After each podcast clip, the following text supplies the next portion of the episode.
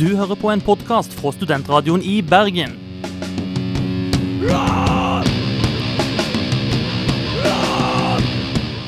Denne og mange andre flotte podkaster finner du på podkast.srib.no. Oh, that's that's really fucking cool that you asked me this because I I love stuff like this. Um, I I wouldn't. I don't know if I I believe that there's something out there. I believe there's like ghosts and spirits. I don't know if I believe in the the God and the devil and all that bullshit. But then there's something that that very that frightens me very much when I think of like demons and they're like like uh what is it? Uh, witchcraft, like tarot cards and stuff like that. I knew this girl, my ex girlfriend, was fucking around with tarot cards. This is while I was going out with her, and uh, and this has happened. I mean, it's, it's very common, and um, I've I've heard a story from a couple people where she woke up one night and somebody was sitting on top of her, holding her down, and she couldn't move. She couldn't like get herself loose, and she could feel like someone's hands like holding her down, sitting on her. And she was awake for like 10 minutes and what to her is an eternity um, awake just but being held down and not able to escape and then finally it just let, lets off and they have they said i think it's like of course there's a scientific excuse for it but you know you never know that shit's crazy The grace and peace of God our Father and the Lord Jesus Christ be with all of you. Vatikanet.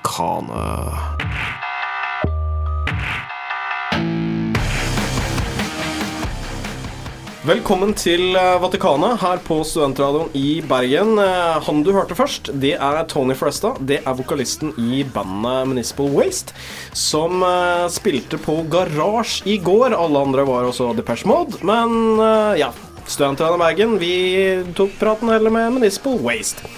Og ja, vi kan vel eh, Gjennom de så kommer vi jo litt inn på dagens tema. Det skal handle om demoner, eh, om eksorsisme og om det å bli besatt, besettelse. Vi skal, jeg skal bli rik, Knut skal få seg dame, og alt skal bli bra i verden. I hvert fall ifølge vår eh, husholdningsmagiker eh, Marius Kjørmo. Du har tatt på deg magikerklærne, du har tatt med deg magikerstaven og hatten og strømpene. Eh, kan du forklare litt hva du skal utsette meg og André for? Ja, Vi skal ha en liten seanse der vi skal tilkalle de gamle sumeriske gudene, eh, fordi at det er magi i navnet deres. Og vi skal fange den magien i et hvert deres symbol.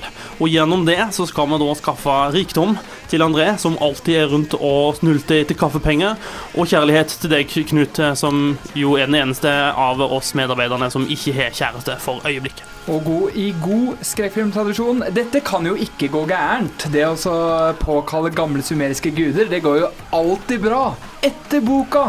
Knirkefritt.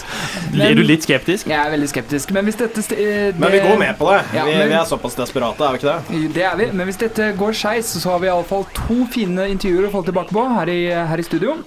Eh, Jeg har vært og intervjua Asbjørn Dyrendal, eh, som er førsteamanuensis ved NTNU i Trondheim. Hans spesialfelt er religionsvitenskap, og han har, eh, han har mye kjennskap til demoner og demonbesettelse og den slags. Jeg tok en prat med Christian Falk. Han er en produsent bak en norskprodusert dokumentarfilm om eksorsisme og besettelse. De følger bl.a. en spansk eh, eksorsist rundt omkring i verden for å da løse folks problemer.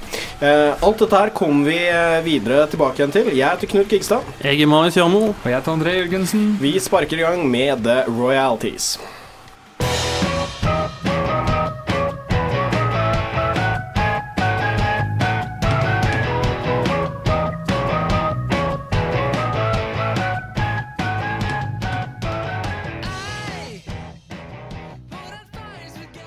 Is there any sign of... Two small puncture wounds on the neck. That's not what I was going to ask. Too bad. We got him. Check it out.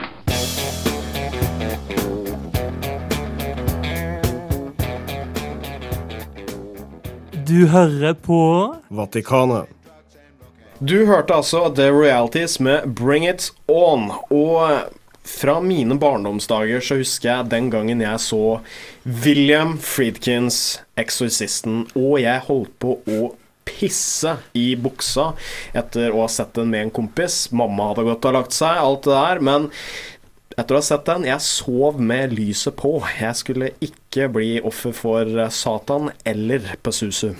Det er jo en eh, skikkelig klassiker, 'Eksorsisten'. Sjøl så har jeg ikke noen sånn veldig stor personlig opplevelse fra jeg var liten når det gjelder akkurat det med besettelse og demoner og sånn, men eh, jeg vet du, André, hadde en litt sånn, eh, skal vi kalle det en freaky eh, fortelling. Ja, når jeg eh, var veldig liten, eh, jeg var vel sånn fire, kanskje fem, eh, og bodde i Rygge, et sånn lite, litt sånn ekkelt eh, murhus, eh, så husker jeg at jeg hadde en sånn eh, frosk, du vet, husker du eh, frosken Kurt? Fra, til- fra svensk TV3 Ja. sitt sånn eh, morgenbarneshow. Akkurat. eh, Og jeg hadde en sånn frosk eh, som lagde visse lyder selv, da. Men jeg gikk rundt og snakka med denne her. Det er sånn handpuppet. sant? Ja, jeg gikk Mhm. rundt og snakka med denne handpuppeten. Jeg var et ensomt barn. Eh, og jeg lagde stemmen, både min egen stemme og stemmen til frosken. Og mamma ble litt skremt av det her, for de, de tingene frosken sa, og stemmen fro frosken brukte, var ikke mine meninger eller min stemme. Fikk hun et lite flashback til uh, en viss film som heter The Shining? Eh, mulig Hello, hello, red room, red room, red room. Nei, eh, jeg vet ikke, men hun ble iallfall såpass frika ut at den, eh, den frosken den ble borte. Eh, den, eh, den forla hun et eller annet sted, og vi har, jeg fant den aldri igjen. Men du har jo møtt en eh, ny kompis, André. Du har gått tilbake til denne barnsben. Hva heter den nye kompisen din? Vel, kompis og kompis, vi snakker vel Asbjørn Dyrendal. my acquaintance fra Trondheim, så å si. Jeg slo på tråden etter å ha fått et hett tips om at dette er fyren jeg måtte snakke med når det kom til eksorsisme. Og rett og slett gikk litt i dybden på eh, hva som ligger i ordet eksorsisme, og hvordan man utfører en eh, sådan eksorsisme. Da går vi rett over til Andres inngående prat med Asbjørn Dyrendal.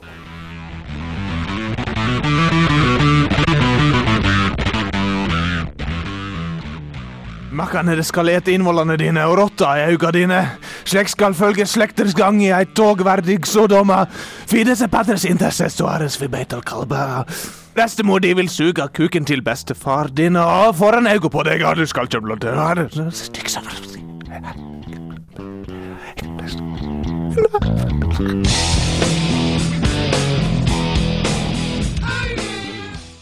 Dette er bokstavelig talt en jævlig situasjon. Han litt stille, bleke i kollektivet, han med det svarte, krøllete håret og Herb Alpert-sedene, har klikket i bibelske proporsjoner. Fanden sjøl har sneket seg inn i skrotten hans i løpet av natta, han oppfører seg krakilsk og voldelig, attpåtil er det dugnadstid, og han er komplett ubrukelig. Her må noe gjøres før vi får elging, hoderulling og grusom selvpenetrering. Eksorsisme, ja! Der har vi svaret. Men hva er eksorsisme? Eh, Eksorsisme er eh, som regel utdrivelse av onde ånder fra mennesker eller steder som blir sagt å ha dem. Eh, Gjort av folk som mener at de har evner eller kvalifikasjoner til å gjøre det. Men det er ikke helt så enkelt. Ikke nødvendigvis sånn at vi må snakke om demoner. Vi kan snakke om, som Nytestamentet, urene ånder. Eller vi kan snakke om gjenferd. Det har jeg faktisk hørt fra eksorsister også. At de driver og driver ut det de kaller for gjenferd. Eh, De går da som regel igjen på steder og ikke eh, i folk, selv om jeg har vært borti det siste også. Eh, Og en rekke andre typer ånder som man har et eller annet problem med. Men av og til så behøver man ikke engang å ha et problem med dem. Dvs. Si at man kan ha en nokså positiv opplevelse, men at ånden fortjener noe bedre. Og så kan man også kalle det for eksorsisme. Men stort sett så dreier det seg altså om eh, en forestillinger om onde åndsvesen som man da fjerner på et eller annet vis fra et sted eller en person. We've only just begun to live.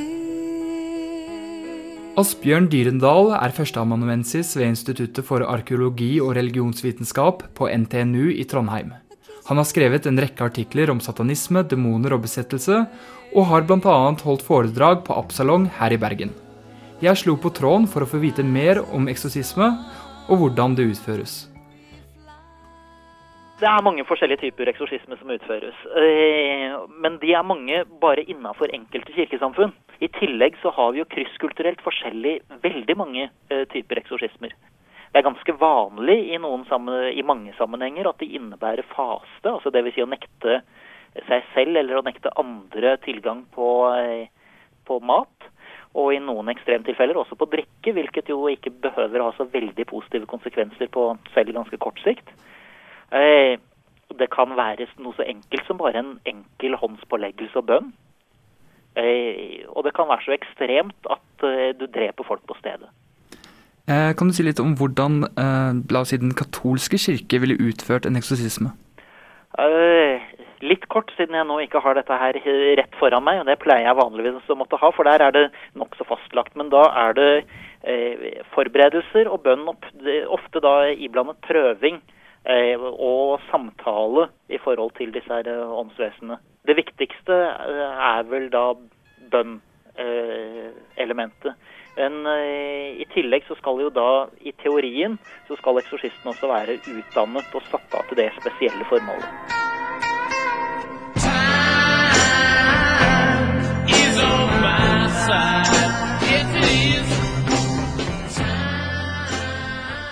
Skulle plutselig din smukke datter snakke flytende arameisk en dag og banne så det setter flekker i kjakan på en fullvoksen sjømann, så er det liksom ingen tvil. Men hva har som regel blitt tolket som tegn på besettelse? Og hva ser den katolske kirke etter når de skal godkjenne en djevelutdrivelse? Folk snakker uforståelige ord og bevegelser, de har plutselige eh, humørendringer og den typen ting. Men det kan også være noe så enkelt som eh, f.eks. en del av disse eh, litt uheldige eksorsismesakene jeg har sett fra, eh, fra Egypt f.eks. Fra unge jenter som har oppført seg som om de var unge jenter og ikke unge, gode muslimske jenter. Dvs. si at de har eh, hatt eh, lyster og interesser og, og sånne ting som eh, da som regel familiens far, av og til også familiens mor og diverse andre har sett negativt på. I andre tilfeller så kan det handle om sykdommer. Det kan handle om epilepsi f.eks. Fysiske sykdommer kan handle om eh, det vi vanligvis kaller for mentale lidelser. Schizofreni, eh, eh, depresjon. Kanskje mer depresjon enn schizofreni.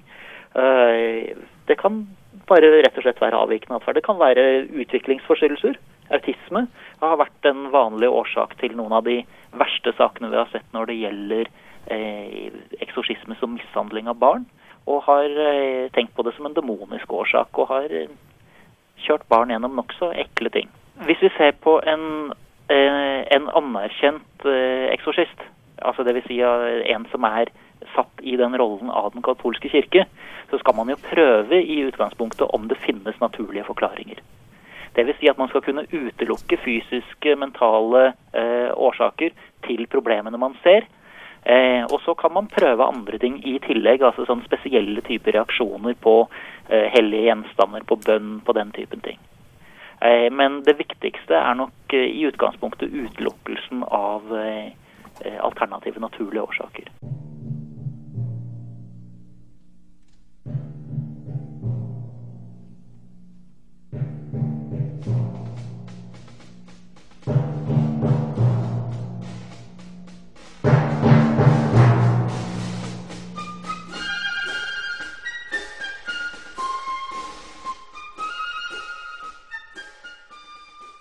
Og nå en offisiell beskjed fra Vatikanet.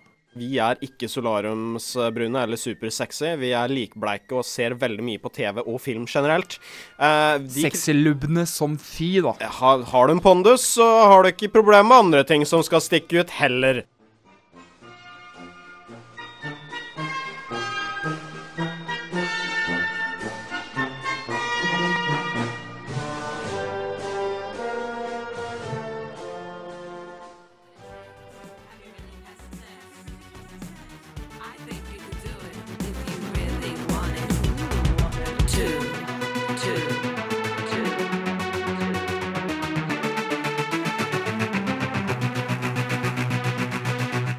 'Pass Me The Salt' sang Jenny Wilson, og ja, det kan kanskje være en smart ting å kaste litt salt over skuldrene hvis du er demoner til stede. Det er ikke alltid det hjelper.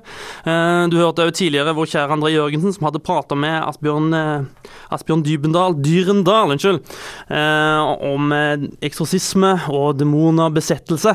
Eh, Og vi har en del til av det intervjuet som dreier seg litt mer om det popkulturelle, som vi jo er veldig glad i her i Vatikanet, så her får du det.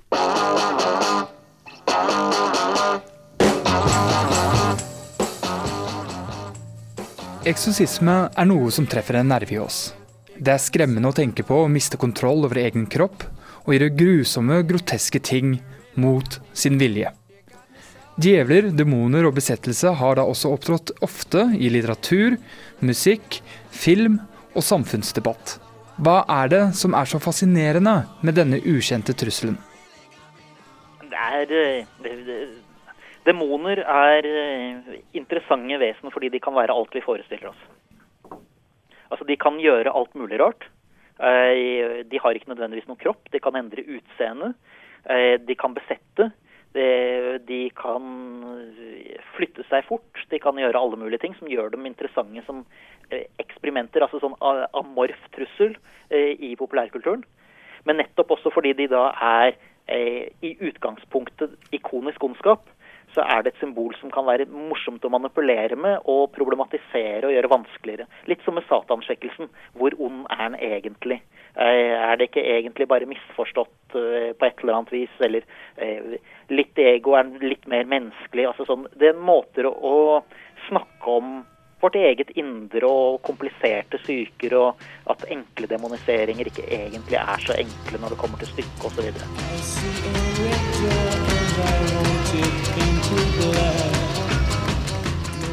Innen populærkultur har spesielt filmen 'Eksorsisten' hatt en særstilling som synsbærende. De har alle en liten mørk krok i hjernen hvor foruten traumatiserende bilder fra barndommen, også lagres bilder som er spesielt urovekkende fra film og fiksjon. Og verst av alle, som alltid vil gi deg frysninger, er Linda Blair i full liksminke.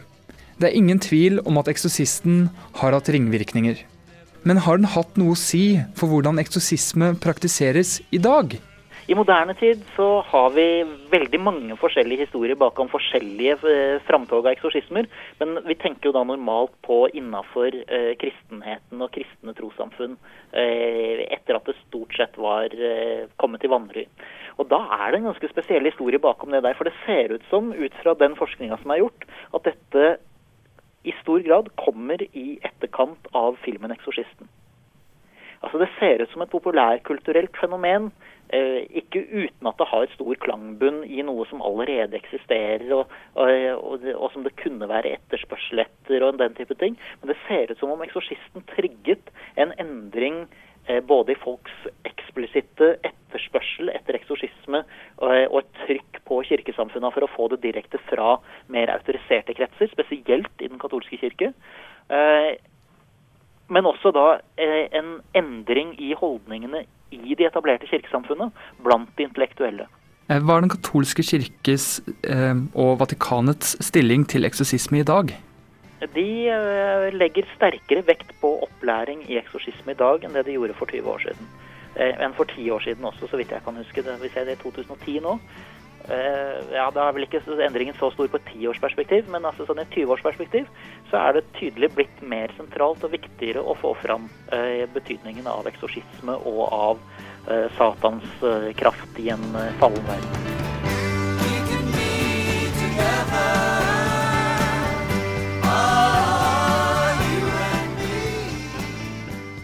Eksorsisme, djevler og demoner har foruten å ha hatt stor betydning for popkultur, også hatt mye å si for samfunnsdebatt.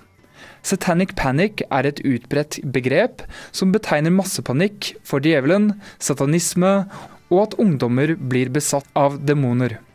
Vi kjenner det fra Nord-Amerika og senere også i Norge tidlig på 90-tallet. Hva har betydningen av slik samfunnsdebatt vært?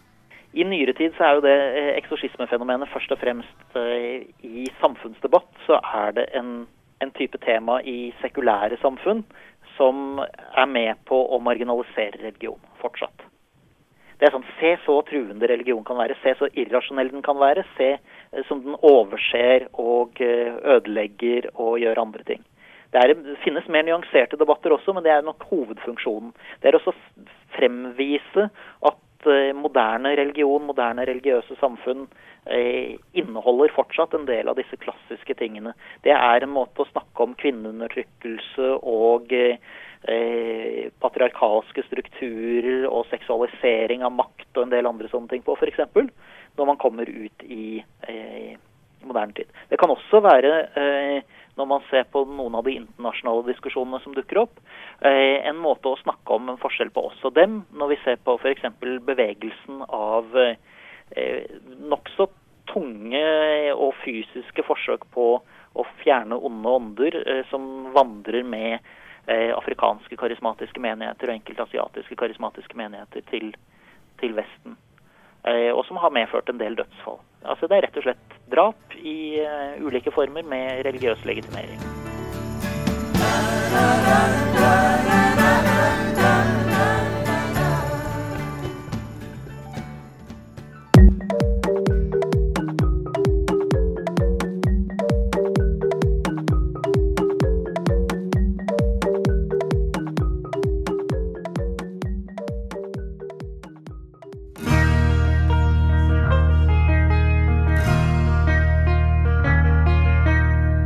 Og vi skal over til helter igjen, og nå skal vi gå litt i barndommen, hele gjengen. Vi skal nemlig snakke om barndommens helter. Være litt nostalgiske her. Ja, for det er jo en gang sånn at når du er liten, så har du veldig store ambisjoner om hvor du skal bli når du blir stor. Eh, og da er det jo en rekke med klassiske helteobjekter som en eh, knytter seg til. Katt. Katt? jeg vil bli katt når jeg var liten, jeg. You know I'm gonna be like you. Cat's in the cradle and the silver spoon. Little boy blue and the man on the moon. When you come in Nerde unger er ikke som andre unger. Vil du inn på Viskas-reklamen, André? Så på det som en god karrierevei. Jeg sto utenfor døra og mjaua når jeg ville inn og sånn. Husker jeg veldig godt. Vatikanet, slipp løs ditt indre barn. Du hørte der Willy featuring Emily Sande, 'Never Be Your Woman'. Og eh, tja, kanskje vi kommer inn på det her med kvinner akkurat nå. Eh, Vi har latt eh, vår magiker Marius Kjørmo go buck wild, som den sier i sørstaten. Og nå skal du vise dine magiske krefter, om de holder mål. Det skal jeg. Eh, Nå skal vi gjøre klart Vi skal rydde bordet litt her i Vatikanet og gjøre oss klar for en liten seanse. Vi skal eh, skru av lysene, tenne, tenne fine stearinlys eh, og få komme litt inn i stemningen.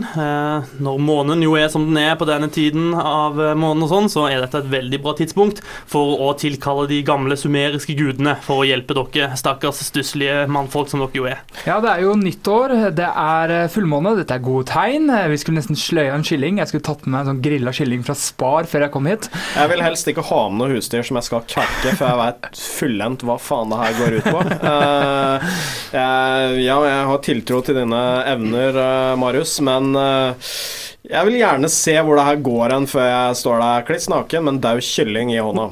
Ja, sånn som dette her foregår, det er ikke, det er ikke så ekstremt, altså. Det er ingen eh, jomfrudommer som skal tas, eller noen ting. Det er fint uh, vanskelig å finne jomfruer i dagens Norge også. De sier det.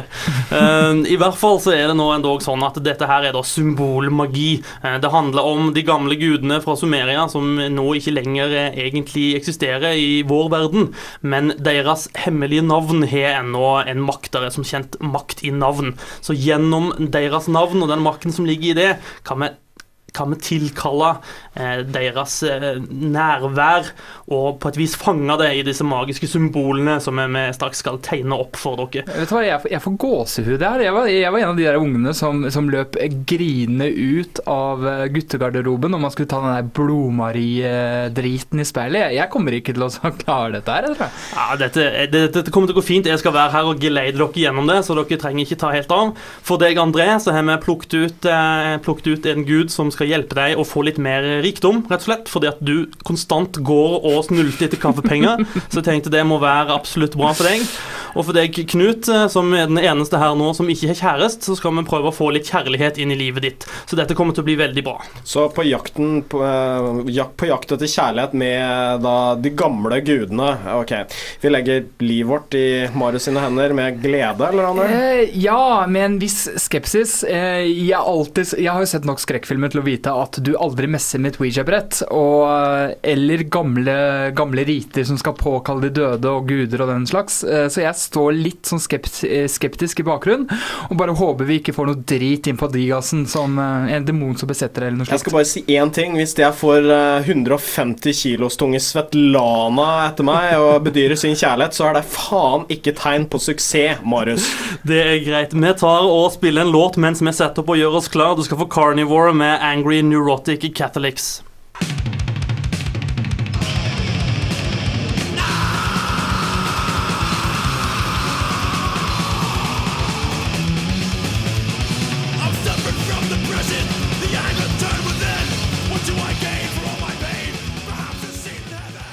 The fact is, we should have done something. What? What should we have done?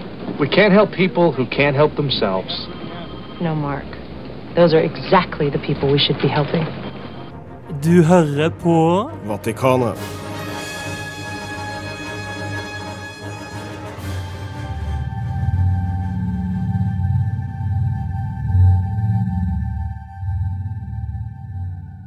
Nå er lysene dempa, og eh, stemningen er satt.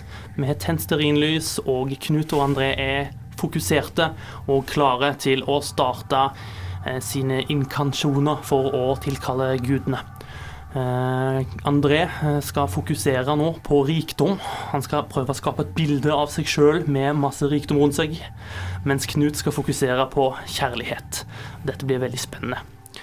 Eh, Så nå er det bare å sette i gang. Si kia kampa, si anna kampa, si din gir kia kampa, si din gir anna kampa. Hear me, O vow siku, come to me by the power of the word, gigima gampa, and answer my urgent prayer. Si ki André prøver å tilkalle den gamle guden Siku, som er guden som bringer rikdom fra jorden. Si ki ja kanpa. Si an na kanpa.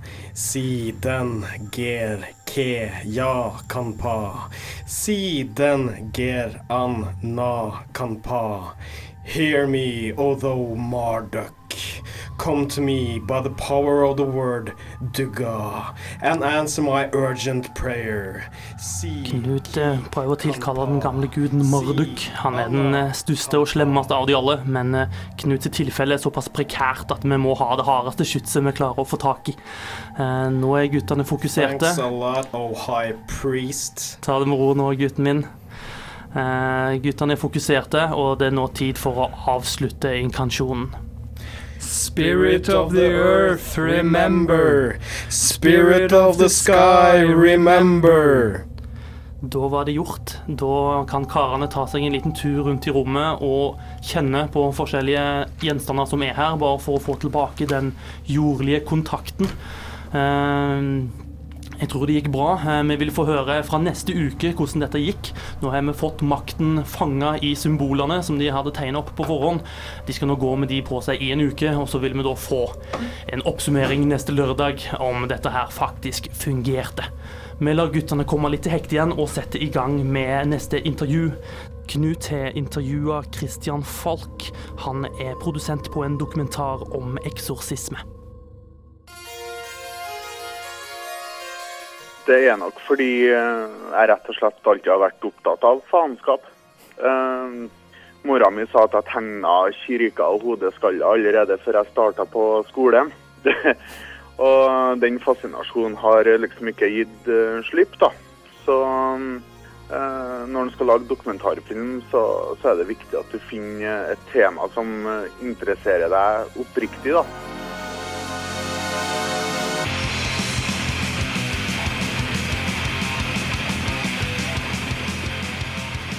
Dette er grunnen til at Christian Falk er produsent bak en norsk dokumentarfilm om eksorsisme og besettelse. Vi har intervjuet han slik at vanlige dødelige skal få et innblikk i et fenomen de stort sett har tatt del i foran TV-skjermen. Fra ateistiske Norge har han tatt del i en litt annerledes roadtrip.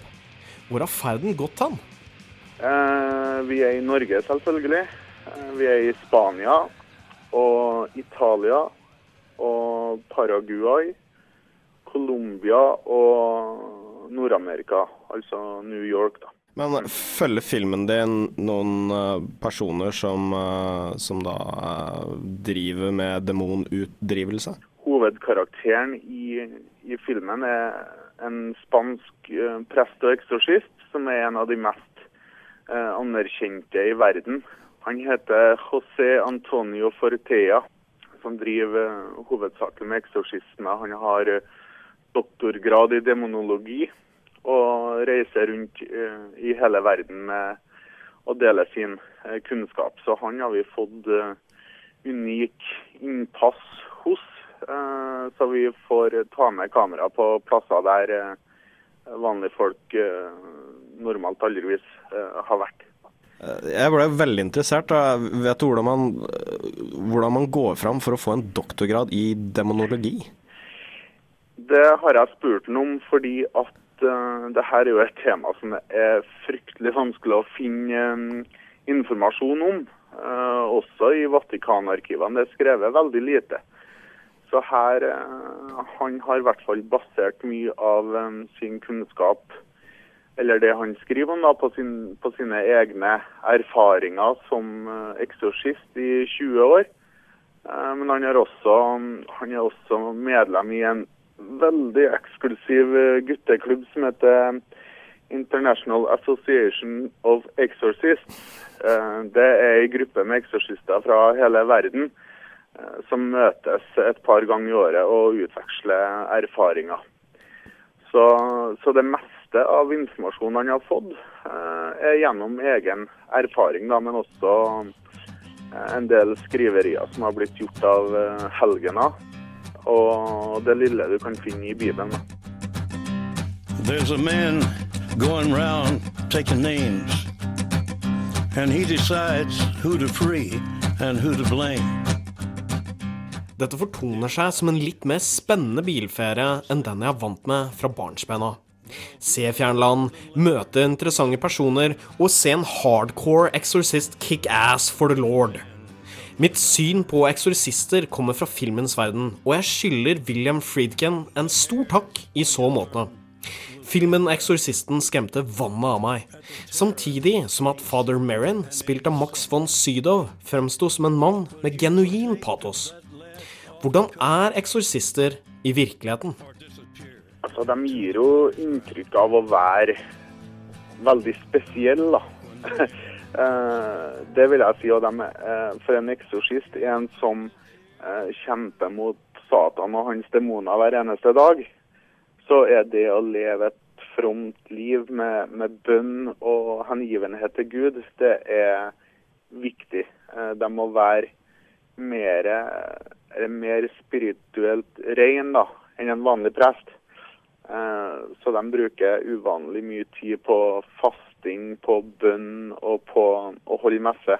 Og, men ellers så er ikke de så veldig eh, ulike folk flest, da, kan du si, bortsett fra at eh, eh, store deler av dagen går med på å, på å ruste seg opp uh, spirituelt. da.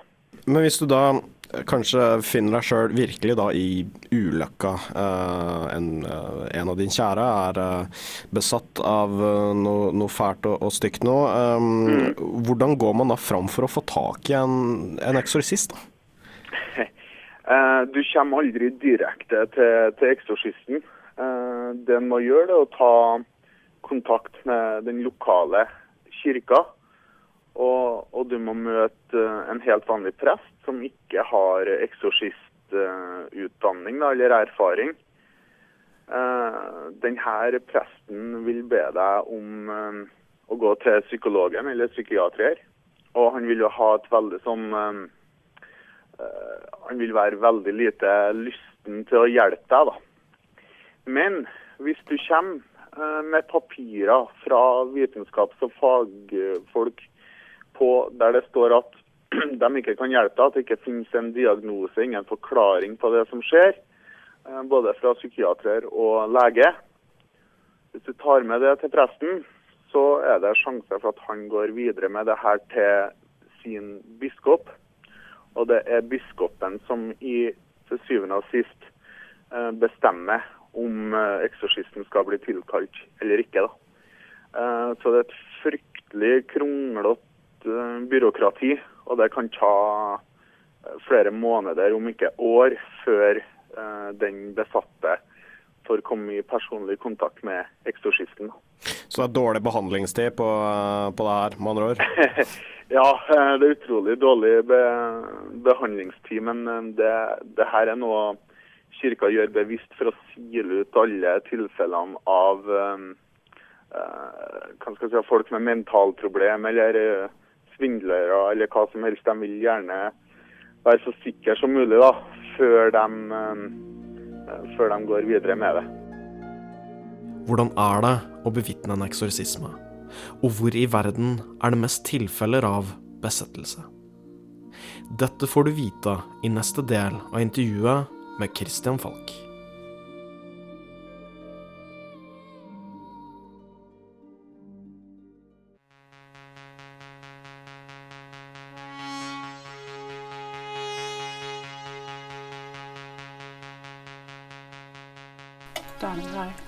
OK.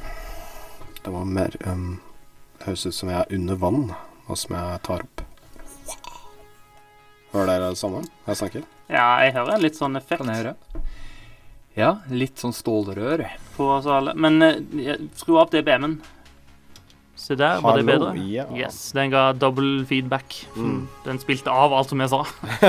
Samtidig, så. Greit. Én, to, tre.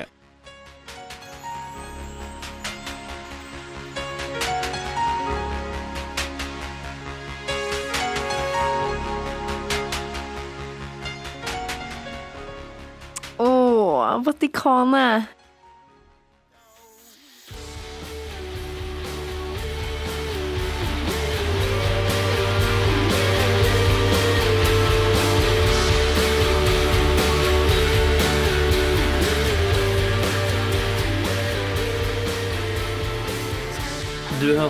Babe Rollins med Average Joe eh, her i Vatikanet på studentradioen i Bergen. Og nå er seansen over, gutta. Er dere kommet ned til jorda igjen? Tja, jeg vet ikke hva jeg skal si. Jeg, jeg føler meg litt sånn litt spent. Eh, vi har noen spørsmål til deg, Marius. Uh, fordi riktignok så blir du sett på som er household magician, men det er vi som har blitt utsatt for det, Andre. Andre. Ja, nei, jeg, jeg føler at liksom eh, Marius her kan egentlig ha utsatt oss for forferdelige demoner uten også å si noe. Det er jo han som står med, står med alle fakta. Med telys fra Rimi.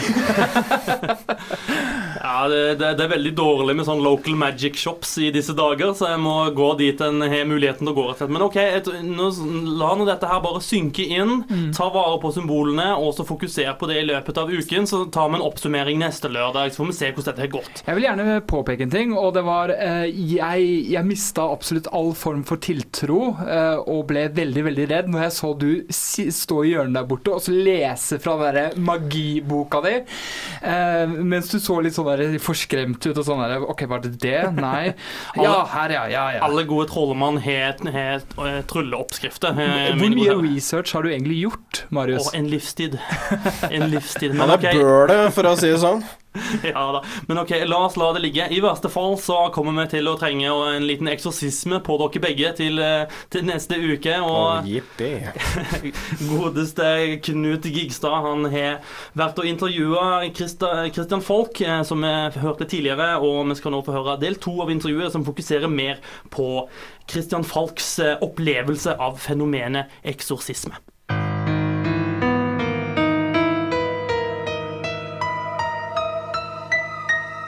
Utgangspunktet mitt er ganske tynt når det gjelder faktakunnskap om eksorsisme. Greit nok, jeg var et offer, og ikke tilfeldighet heller, for videovoldshelvetet på 80-tallet. I motsetning til mange av mine jevnaldrende deltok jeg mer enn villig, og siden det ikke så ut som om det var noen fare for at jeg skulle begynne på medisinstudier, lot familien meg delta. Christian Falk fungerer som en produsent for en norsk dokumentarfilm om eksorsisme, og har møtt eksorsister og besatte. Han har vært vitne til en genuin eksorsisme. Enkelte vil kalle det kult. Jeg vil kalle det freaky shit. Eh, Jeg var i Spania i sommer. Eh, Så ble jeg invitert med av, eh, av han eksorsisten vår da, for Thea til å bevitne en sånn uh, jævelutdrivelse. Um, det her var ei jente i tidlig 20-årene, vil jeg tro. Eh, og hun snakka da med en sånn stemme som jeg i hvert fall aldri har hørt fra, fra mennesker før, i hvert fall ikke kvinnfolk, da. Og, men det at det foregikk på et språk som jeg ikke forsto, eh, så vet jeg ikke helt hva hun sa, men at det var blasfemi som kom ut av kjeften på henne, det er det ingen tvil om, da. Og det var hyling og skriking og roping, eh, men med en sånn raspestemme som vi kanskje mest kjenner igjen fra black metal, kan du si. Eh, I tillegg til det her så var det alvorlige kramper, eh, vil jeg si. Eh, og en veldig frykt for eh, eh, religiøse ting som f.eks. Bibel og krusifiks. Og du hørte liksom at demonen starta med å være eh, stolt og ovenpå, eh, før han da gikk over til ren frykt og redsel. Eh, I tillegg så kasta hun opp på gulvet flere ganger. Og snakka på, på flere språk, faktisk. Eh, For meg så var det noe som hørtes eh, russisk ut. og, men også snakka på latin. da. Og det hører med til historien at vedkommende her verken kan latin eller russisk i det hele tatt. Ok. Så, så det du var vitne til, var ikke, var ikke sånn like sånn estetisk som la oss si 'Eksorsisten', hvor det huet spinner 360 grader rundt, og hun sier sånn 'Do you know what she did, you cuntin daughter'? Ja, altså pr Problemet er da det er mulig at sånne ting ble sagt. Men i og med at jeg ikke forsto spansk, da, så, så mm, vet ikke jeg. Men eh, det er i hvert fall veldig vanlig at, eh, at det er grov eh, språkbruk. Er det. Okay. Og, ro og rollen som eksorsisten hadde, eh, var tilnærma identisk med den i filmen. da. Det var bare den besatte som var eh, litt mer eh, traust, kan du si. ok. ja.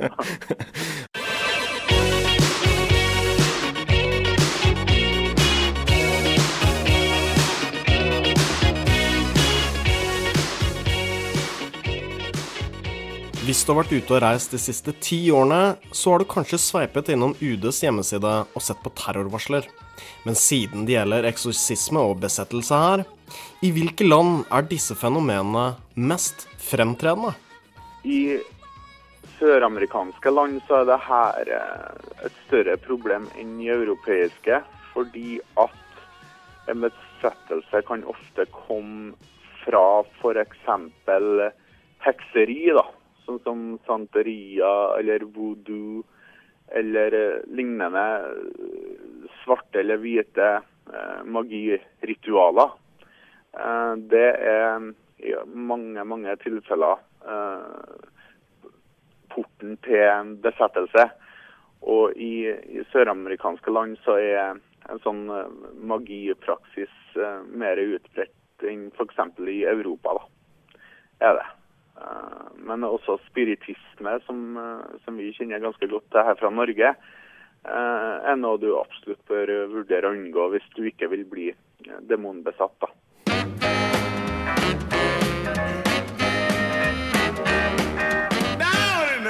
On the foggy hill rock stood a crazy little demon blowing his top. Fire in his eyes and smoke from his head. You gotta be Christian Falk reiste ut som ateist, og selv om han har vært med en av Vår Herres mest trofaste asskicker, så returnerte han også som ateist. Helt til slutt. Vurderte han noen gang å bli en del av et bedehus sitt faste invitar? Eh, Jeg er jo en nysgjerrig person, eh, og jeg må jo spørre om sånne ting. Eh, Så jeg fortalte at, at jeg ikke var katolsk. Jeg fortalte min bakgrunn. Eh, Men jeg møtte ingen sånn fordømmelse eller pekefingre. Eh, Jeg gjorde ikke, så jeg forsto det sånn at eh, det sannsynligvis vil gå godt. Og heldigvis, da, så er det jo bare å si unnskyld i siste sekund, så er du uh, redda.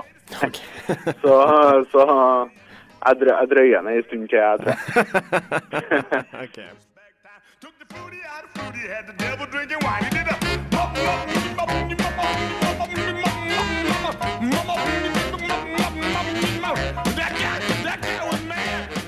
Du hørte nett eh, Knut som intervjuet eh, Christian Falk eh, angående hans arbeid på en film om eksorsisme.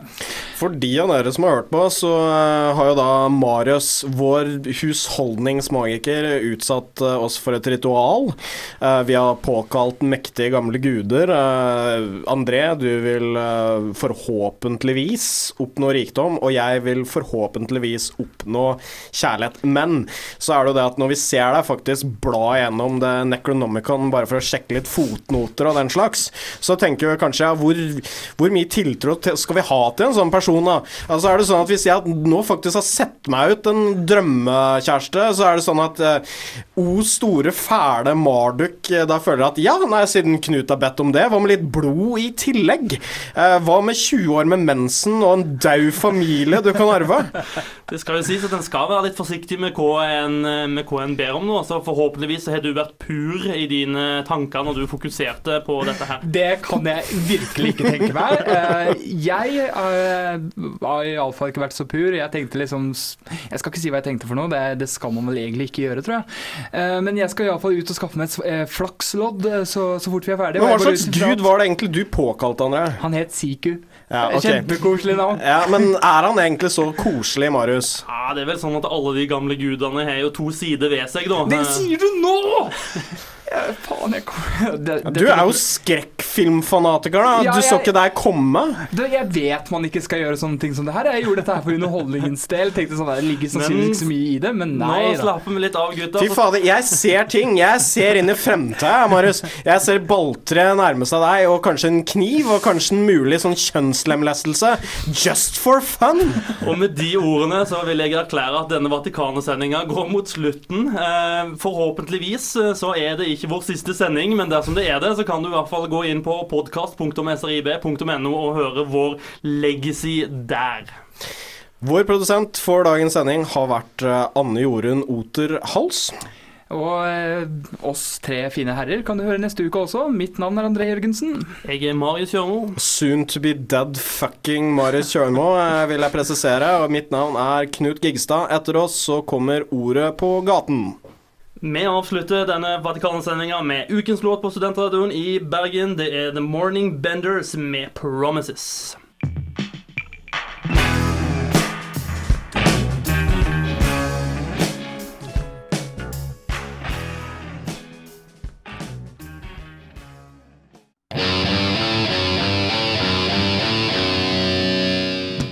Du hører på en podkast fra Studentradioen i Bergen.